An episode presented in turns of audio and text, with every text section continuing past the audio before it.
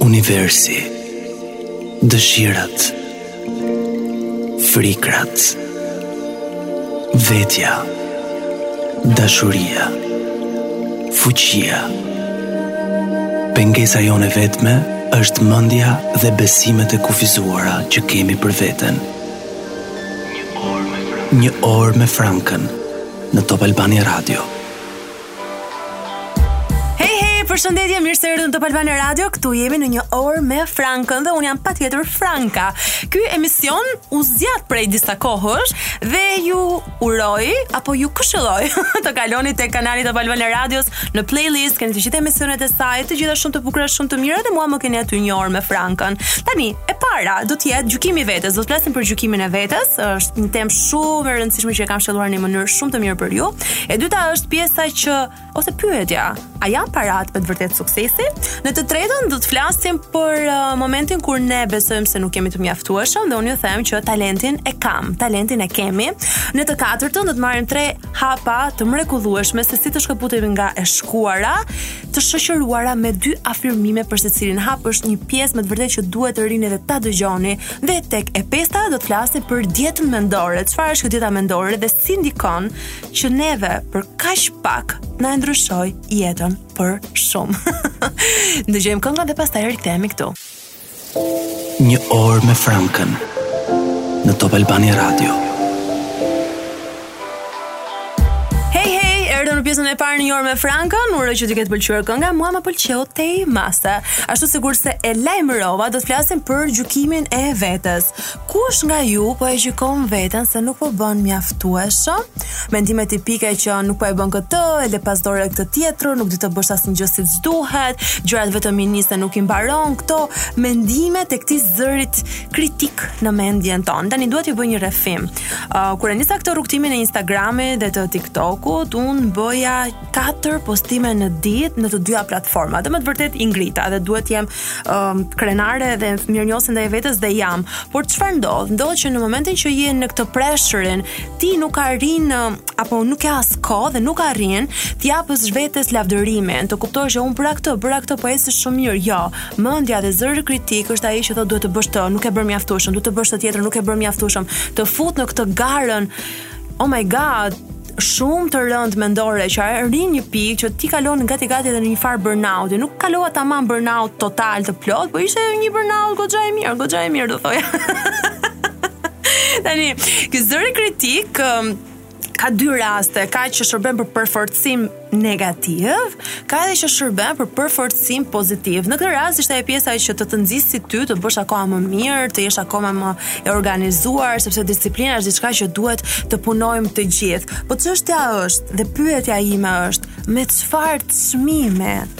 Çfarë heqim dorë? Për çfarë na paralizon kaq shumë ky zëri kritik dhe që shprehet në formën e gjykimit të vetes? Sikurse e kam thënë shpesh dhe vazhdoj ta them, ndjenjat kanë energji, kanë frekuencë, janë të matshme dhe faji mund të jetë një ndër ndjenjat më të ulta.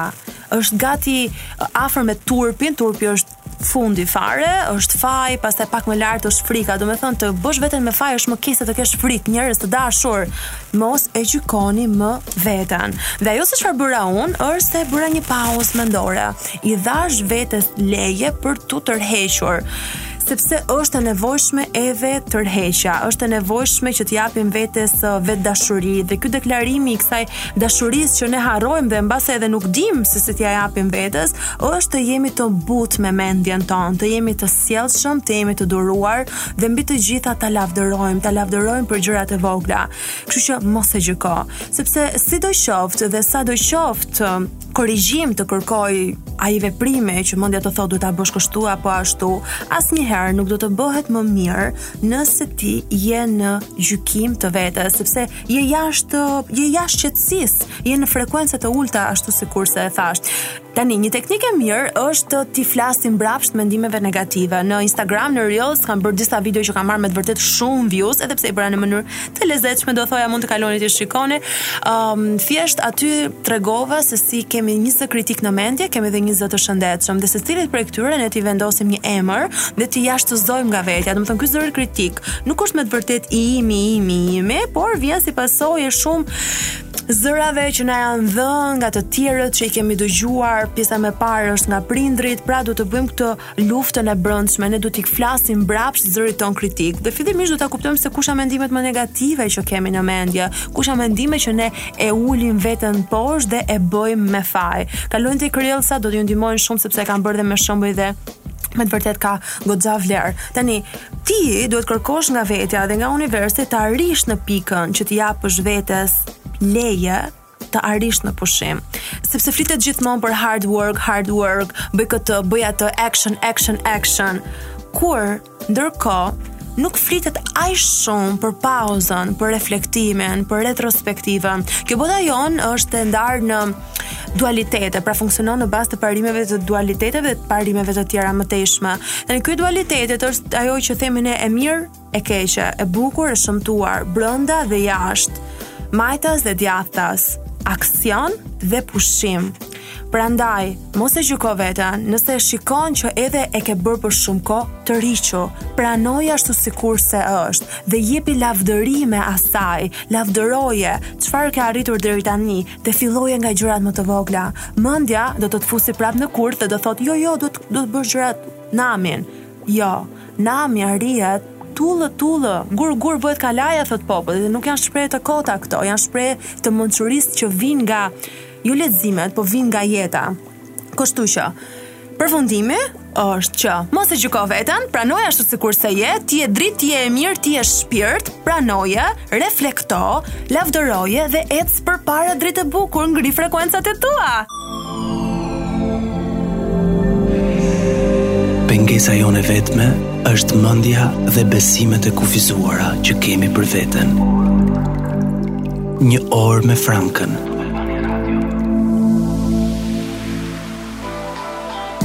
Do flasim pak për para dhe për suksesin në pjesën e dytë të emisionit Një orë me Frankën këtu në valët e Top Albania Radios. Mirë se më gjetët dhe mirë se ju erdha aty ku jeni. Tani, çfarë është suksesi për ju? Jam e sigurt që në mendje do shkoj, jam e sigurt që mendja do shkoj tek parat. Tani, unë do jap gjashtë koncepte dhe ju mendoni po ose jo, po ose jo, është apo jo sukses kjo gjoja. Atëherë, është prestigji sukses? Janë parat sukses? Of course they are.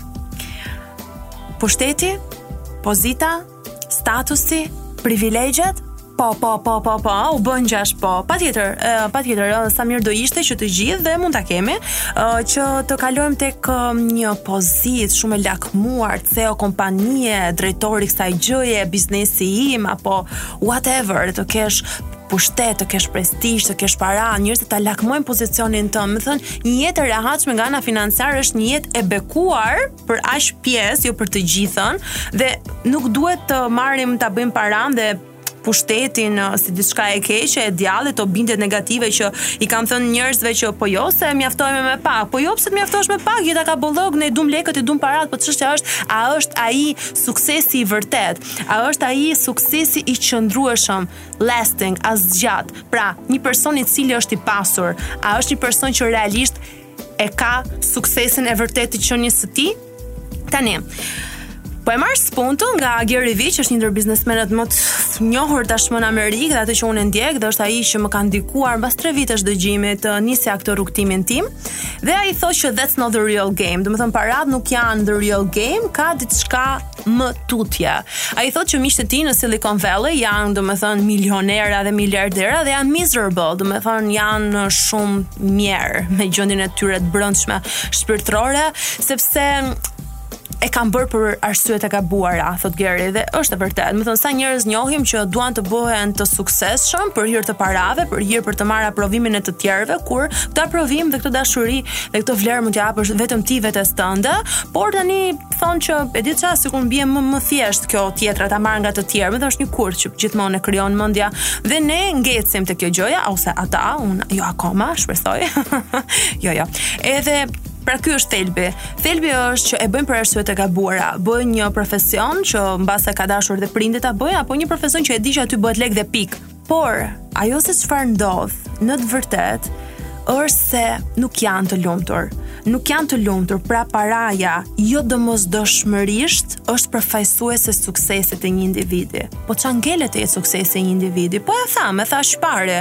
Pra këto të pasur të Silicon Valley, um, nuk qenkan kaq të lumtur. Pra suksesi i vërtet, a nuk do ishte një njeri i lumtur edhe i pasur?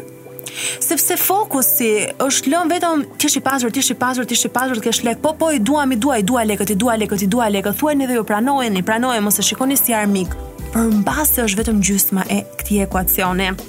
Suksesi i vërtet është kur bën diçka që ti e do pa fund, diçka që buron nga ajo se çfarë ti je, nga talentet, dhuntitë tua. Sikurse e thot Simon Sinek është Ajo puna, profesioni, biznesi që ti do ta bëje gjithë jetën tënde dhe nuk do të paguheshe. Dhe kjo është një mënyrë e mirë dhe një këshillë shumë e mirë që kam bërë dhe tek emisionet e mëparshme që të gjeni atë pasionin, atë gjën tuaj që do ta doni gjithë jetën tuaj. Kjo pjesa e lumturisë edhe e këtij pasioni që të mbush ty është një zjarr, është një zjarr që nuk mbaron, sepse mbushet nga e vërteta jote, mbushet nga ajo se çfarë ti je, jo nga paratë, po mbushet nga brendësia. Pra suksesi i vërtet është që të jemi të përmbushur shpirtërisht, të jemi në paqe, të jemi në lumturi të brendshme dhe ashtu sikurse spiritualiteti e thot, po edhe një logjikë e thjesht, në fund fundit një njeri që është realisht rehat i mbushur, i pasur brenda me gjithë ato pasuritë e vlerave të të të dashurisë, të mirënjohjes, të gëzimit, të bollëkut. Çfarë do pasqyrojë jashtë? Çfarë do tërheqë? Kështu që njeri i dashur, paraja nuk është domosdoshmërisht vetëm ajo suksesi, por suksesi i vërtet është të jemi të lumtur të përmbushur brenda dhe të kemi ca para me shumicë nga jashtë. Një orë me Frankën në Top Albania Radio. Tani erdhi koha për motivim të fuqishëm nëse mendon se ke ngecur. Jemi në një orë me Frankën, këtu në Top Albania Radio 100 MHz, më bëhet shumë qejfi që jam mes jush. Këtë emision mund ta dëgjoni çdo të martë ora 21, çdo të martë ora 21, çdo të martë ora 21. po bëj këtë teknikën e përsëritjes dhe jua bëra me kast sepse duhet të kuptoni që për të riprogramuar veten tuaj në një version të ri më të mirë, duhet t'i përsërisni gjërat. edhe të bësh palestër, duhet të bësh 2-3 herë në javë, jo një herë këtu, edhe pastaj 3 herë pastaj apo të bësh 10 orë brenda një dite dhe pastaj mos të bësh më dhe thua u bëra unë tani, bëra super trup me me 10 orë në muaj dhe e mbylla çys. tani Çdo gjë ka ngecur në jetën tënde apo pjesa më e madhe dhe nuk di çfarë të bësh, për këtë do të flasim në këtë pjesë. Mos e vrit mendjen sepse një pjesë e madhe e njerëzve apo e botës gjendet në këtë në këtë suazë, në këtë gjendje dhe nuk je vetëm. Dhe kështu isha unë edhe para një viti e gjysëm. Kështu që kjo zgjidhet, kjo vazhdon e rëndësishme është që të jemi patjetër patjetër të gatshëm. Nga t'ia nisim.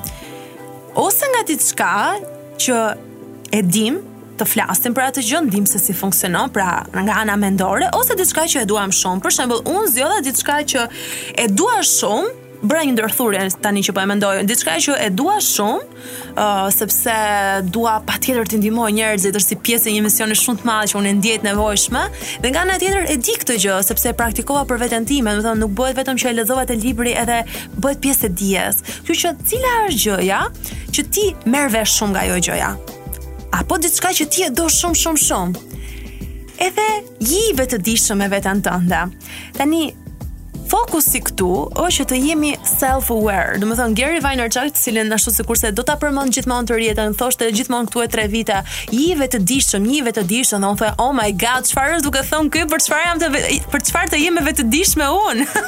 Sepse nuk isha fare e vetëdijshme për këto dhuntitë, aftësitë, vlerat e talentet e mia. Nuk isha, domethënë ishin aty, Unë që gjithë kohës dhe gjithmonë kam këshilluar njerëz, doja t'i ndihmoja. Oh my god, e kam bërë gjithmonë, po isha kaq unaware, kaq e pandërgjegjshme. Prandaj është shumë e rëndësishme, është shumë shumë shumë shumë e rëndësishme të jeni të ndërgjegjshëm, kështu që ndryshojeni fokusin tuaj, mos m'u merrni me kafe. Domethënë merruni me kafe dhe me qejf, po edhe me një çik kështu, pra një një kombinim i të gjithave. Dhe ajo se çfarë dua t'ju them është se ose t'i jap përgjigje një pyetje që mund ta bëni apo mendja mund t'jua bëjë, po çfarë më mungon? Mua më mungon diçka. Jo, jo, ty asgjë nuk të mungon. Të gjitha i ke brenda, talentin, dhuntinë, krijimtarinë, aftësitë, të gjitha janë të tuat, nuk ka asnjë qenie njerëzore që ka lindur pa ato. Kuptoje përfundimisht dhe eliminoje frikën tënde. dhe dyshimin se ti nuk vlen dy grosh, sepse kjo është një gënjeshtër gjigante që na u dha nga të tjerët. Nga fëmijëria, më së shumti dhe po jap një shembull kështu të thjeshtë, themi se është një djalë i vogël apo vajzë, nuk ka rëndësi, po te djali po e marrim shembullin i cili këndonte, ka pas zë, e pëlqente artin, ishte ky lloj shpirti krijues. Prindi i tha ose nuk e gjë, ose nuk e ka dëgjuar shpeshherë dhe ai është ndier i refuzuar dhe kanë qenë ka thënë pastaj ndërsa mami dhe babi nuk më dëgjojnë mua, unë jam kot për këtë, nuk ia vlej se ai nuk është se arrin dot ta gjykojë veten dhe mendon që prindi është autoriteti hyjnor në fund fundit dhe është praktikisht në sytë e një fëmije. Ose i kanë thënë që po ça do bësh lek me këtë punë, nuk është jeta kjo, jeta do siguri, jeta do këtë këtë këtë pra këto mendimet kufizuese dhe humb rastin të jetë një talent i jashtëzakonshëm. E njoh një person nga afër, e dua pafundësisht shumë, dhe ky ka qenë rasti. Nuk e di se si do kishte ecur jeta e tij nëse do kishte ndjekur atë. Ka gjetur një profesion i cili i përket shumë dhe ai me me pjesën e brendshme që është, por mendoj që mendoj unë është subjektive ajo e muzikës, ajo e muzikës do do do t'i gëzonte shpirtin. do t'i bënte shpirtin t'i fliste. Fokusi është të gjeni talentet tuaja, të riktheheni të, të riktheheni tek vetja, sepse ka aq shumë aty brenda. E di që ka, e zbulova edhe unë dhe prandaj dua që këtë t'ua jap edhe juve. Fillo kërkimin të puth shumë. Pengesa jonë e vetme është mendja dhe besimet e kufizuara që kemi për veten. Një orë me Frankën.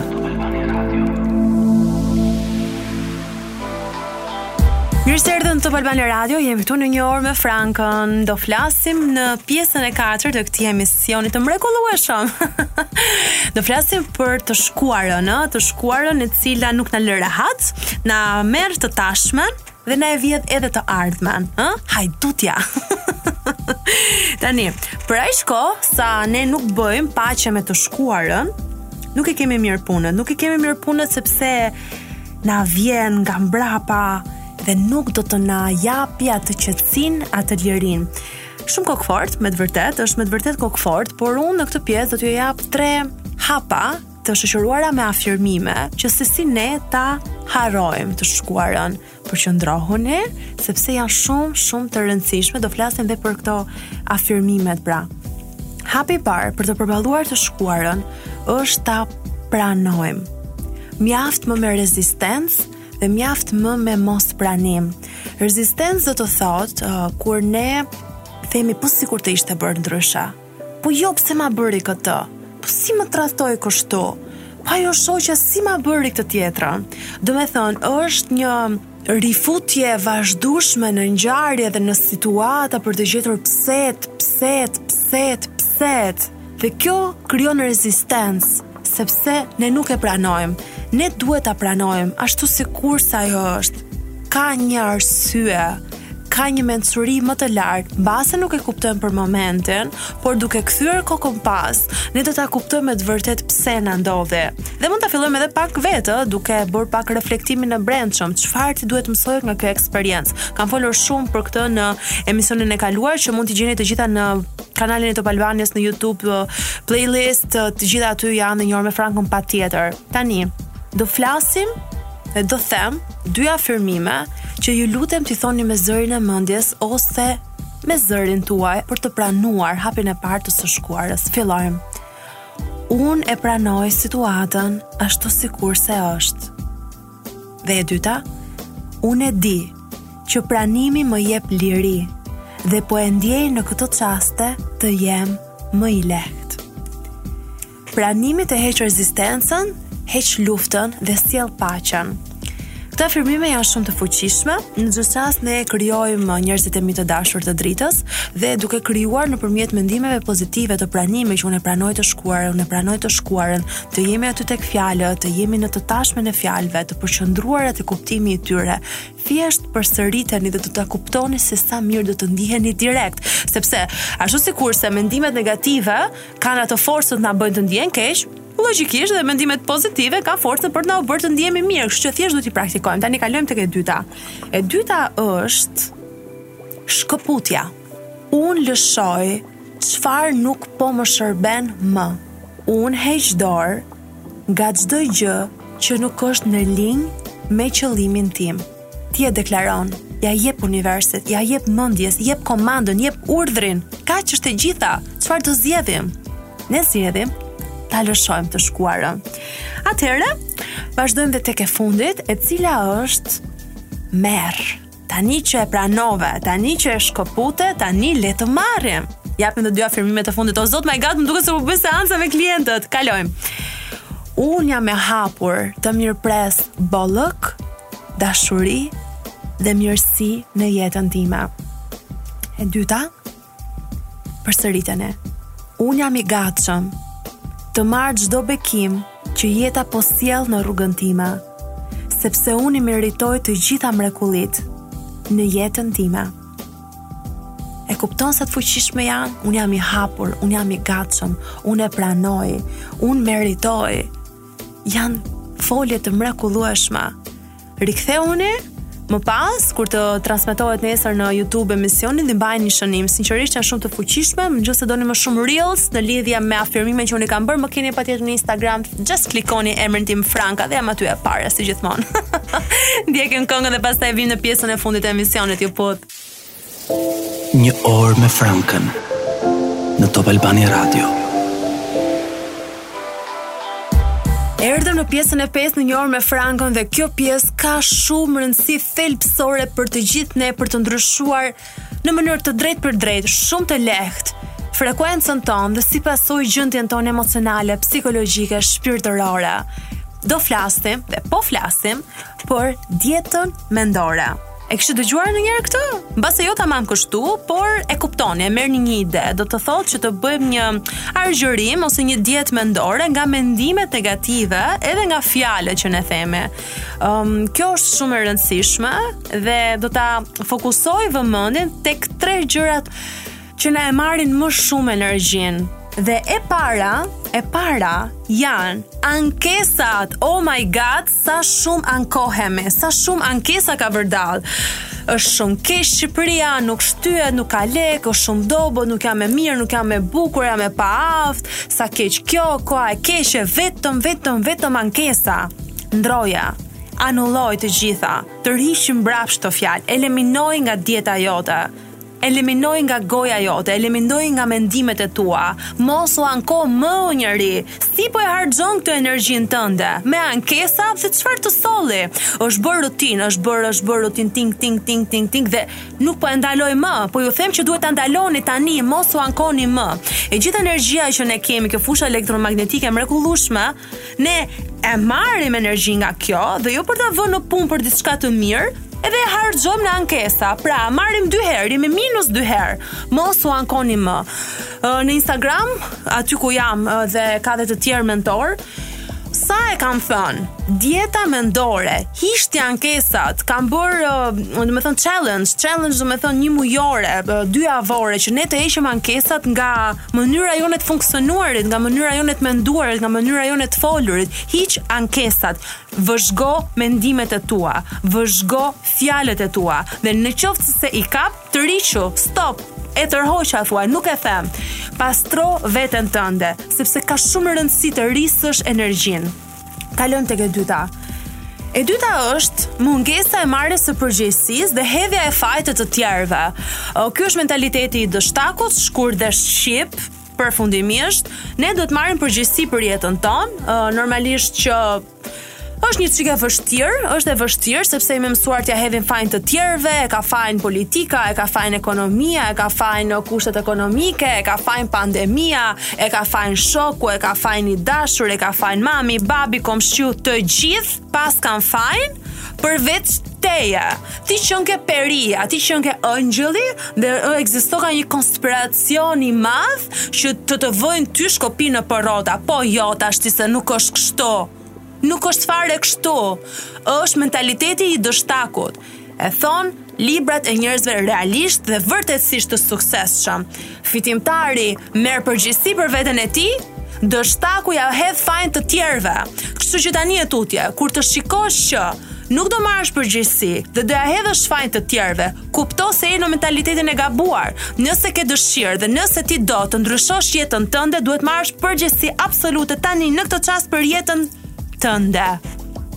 Sepse e meriton dhe mbi të gjitha sepse mundesh. Mundesh t'i arrish të gjitha, por nëse je përgjegjës, Accountability thotë Geri, prap do ta përmend Gerin, përgjegjësi, ai është ka një kompani gjigande, e ka arritur vit pas viti dhe vetëm do të rrisi. Dhe për çfarëdo lloj gjëje që ndodh, Geri është i pari që del dhe thotë është faji im. Unë jam i pari dhe është faji im merr përgjegjësi, sepse në momentin që ne marrim përgjegjësi, atëherë kemi mundësi të ndryshojmë. Por në qoftë se ne bëjmë gabime pas gabimeve, dhe nuk marrim përgjegjësi për këto gabime dhe ja hedhim fajt të tjerëve, ne do rrim në vend dhe do jemi jo vetëm në vend, por do jemi në regres.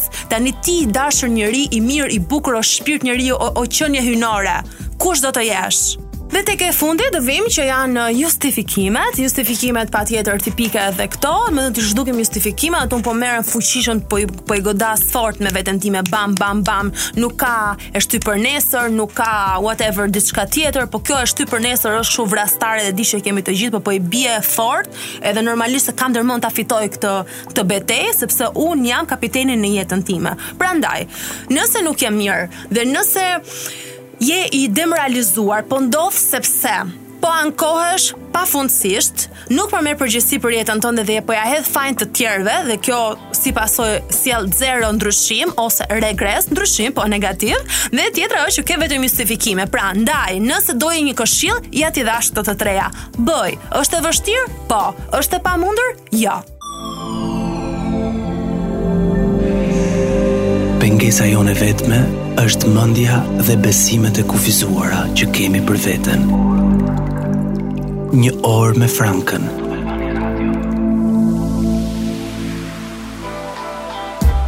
Hej, hej, e mbaruam emisionin një orë me Frankën, tani jemi në mbylljen e emisionit. Nuk di të them sa shumë energji, po me shumë dashuri e kam dhënë për ju në pjesën e 5, ku ju dhashë tre mënyra se si ta ndryshoni tani urgjentisht jetën tuaj. Janë të thjeshta, por jo të pamundura. Megjithatë, në pjesën e parë të emisionit ne folëm për gjykimin e vetes dhe do ndiheni me të vërtetë shumë mirë, shumë shumë të pastruar me mënyra teknika dhe si mos ta gjykoni veten dhe çfarë të bëni instead në vend të kësaj. Tek e dyta folëm që a janë paratë suksesi i vërtetë dhe i qëndrueshëm, apo është vetëm gjysma e ekuacionit, kush është gjysma tjetër, ndiqeni emisionin nesër në Youtube. Në të tretën folëm për momentin kur ne themi nuk kam vlerë, nuk kam talent, unë jam kot e tjerë e tjerë da da da da da. Dhe pjesa është thjesht e titulluar, talentin e kam, dhe keni komplet një mendim kritik të strukturuar, shumë të bukur, të mirë, të mrekullueshëm që se si ju të besoni që keni vlerë dhe e keni talentin tuaj dhe çfarë duhet të bëni që ta nisni ta gjeni. Dhe e katërta ishte mrekulli fare sepse folëm për tre hapa për t'u shkëputur përfundimisht nga e shkuara me afirmime. Prandaj rikthehuni nesër dhe shikojeni në YouTube, në kanalin e Top Albania Radios. Prandaj keni video, mbi 50 video të mia atje që mundet t'i shikoni dhe të merrni me vërtet vlerë të shtuar të një dije që është e re për Shqipërinë, por meqenëse unë jam kështu knowledge, dija, inovatore, gjënë e re, thelbin e muhabetit, shkojmë te thelbi i muhabetit dhe aty ku është e vërteta, keni shumë vlerë të shtuar. Si gjithmonë, ky emision mbaron me tre quotes dhe unë po filloj me të parën. Na e ka thënë Gandhi, ky ky njeriu i mençur. Nuk është fare vonë. Ti thjesht akoma nuk e di se çfarë je i aftë të bësh. Kjo lidhet me pjesën e tretë të emisionit. Pastaj kemi një tip që quhet Bryant McGill dhe ky na thotë, derisa të ndalosh gjykimin e vetes dhe të jesh kritik pozitiv ndaj vetes, nuk ke për të ecur përpara. Kjo lidhet me pjesën e parë të emisionit dhe pastaj kjo është shumë e thjeshtë, shumë e bukur, ishte anonim, por nuk mundet mos ta vija. Mjaft e tradhtuat të ardhmen me të shkuarën tuaj. It's over. Ka mbaruar. Jetojmë tani. Jemi në të tashmen. Ti njeri që po më dëgjon, po ekziston vetëm në këtë momentin që po më dëgjon mua dhe zërin tim. E shkuara është në mendjen tënde. E ardhmja ende nuk ekziston por krijohet nga shuma e të gjithë mendimeve dhe ndjenjave që ke ti në këtë çast. Duaje veten, duaje të tashmen, jeto këtu, ji prezent dhe shiko një vizion të mrekullueshëm për jetën tënde, sepse të gjitha të janë falur, Zoti të do, edhe unë të dua shumë. Nëse doni të më ndiqni mua me pozitivitetin tim të mrekullueshëm, siç e kemi të gjithë njerëz të mirë, më gjeni në Instagram, aty jam unë dhe në TikTok, nëse janë gocat që duan të më dëgjojnë për të marrë frymëzime të mira në lidhje me lidhjet edhe me gjëra ekstra, me motivime. Unë isha Franka Ekonomi, këtu ishim në një orë me Frankan, dëgjohemi të martën tjetër, ora 21, ju përqafoj njerëz të dritës. Mua!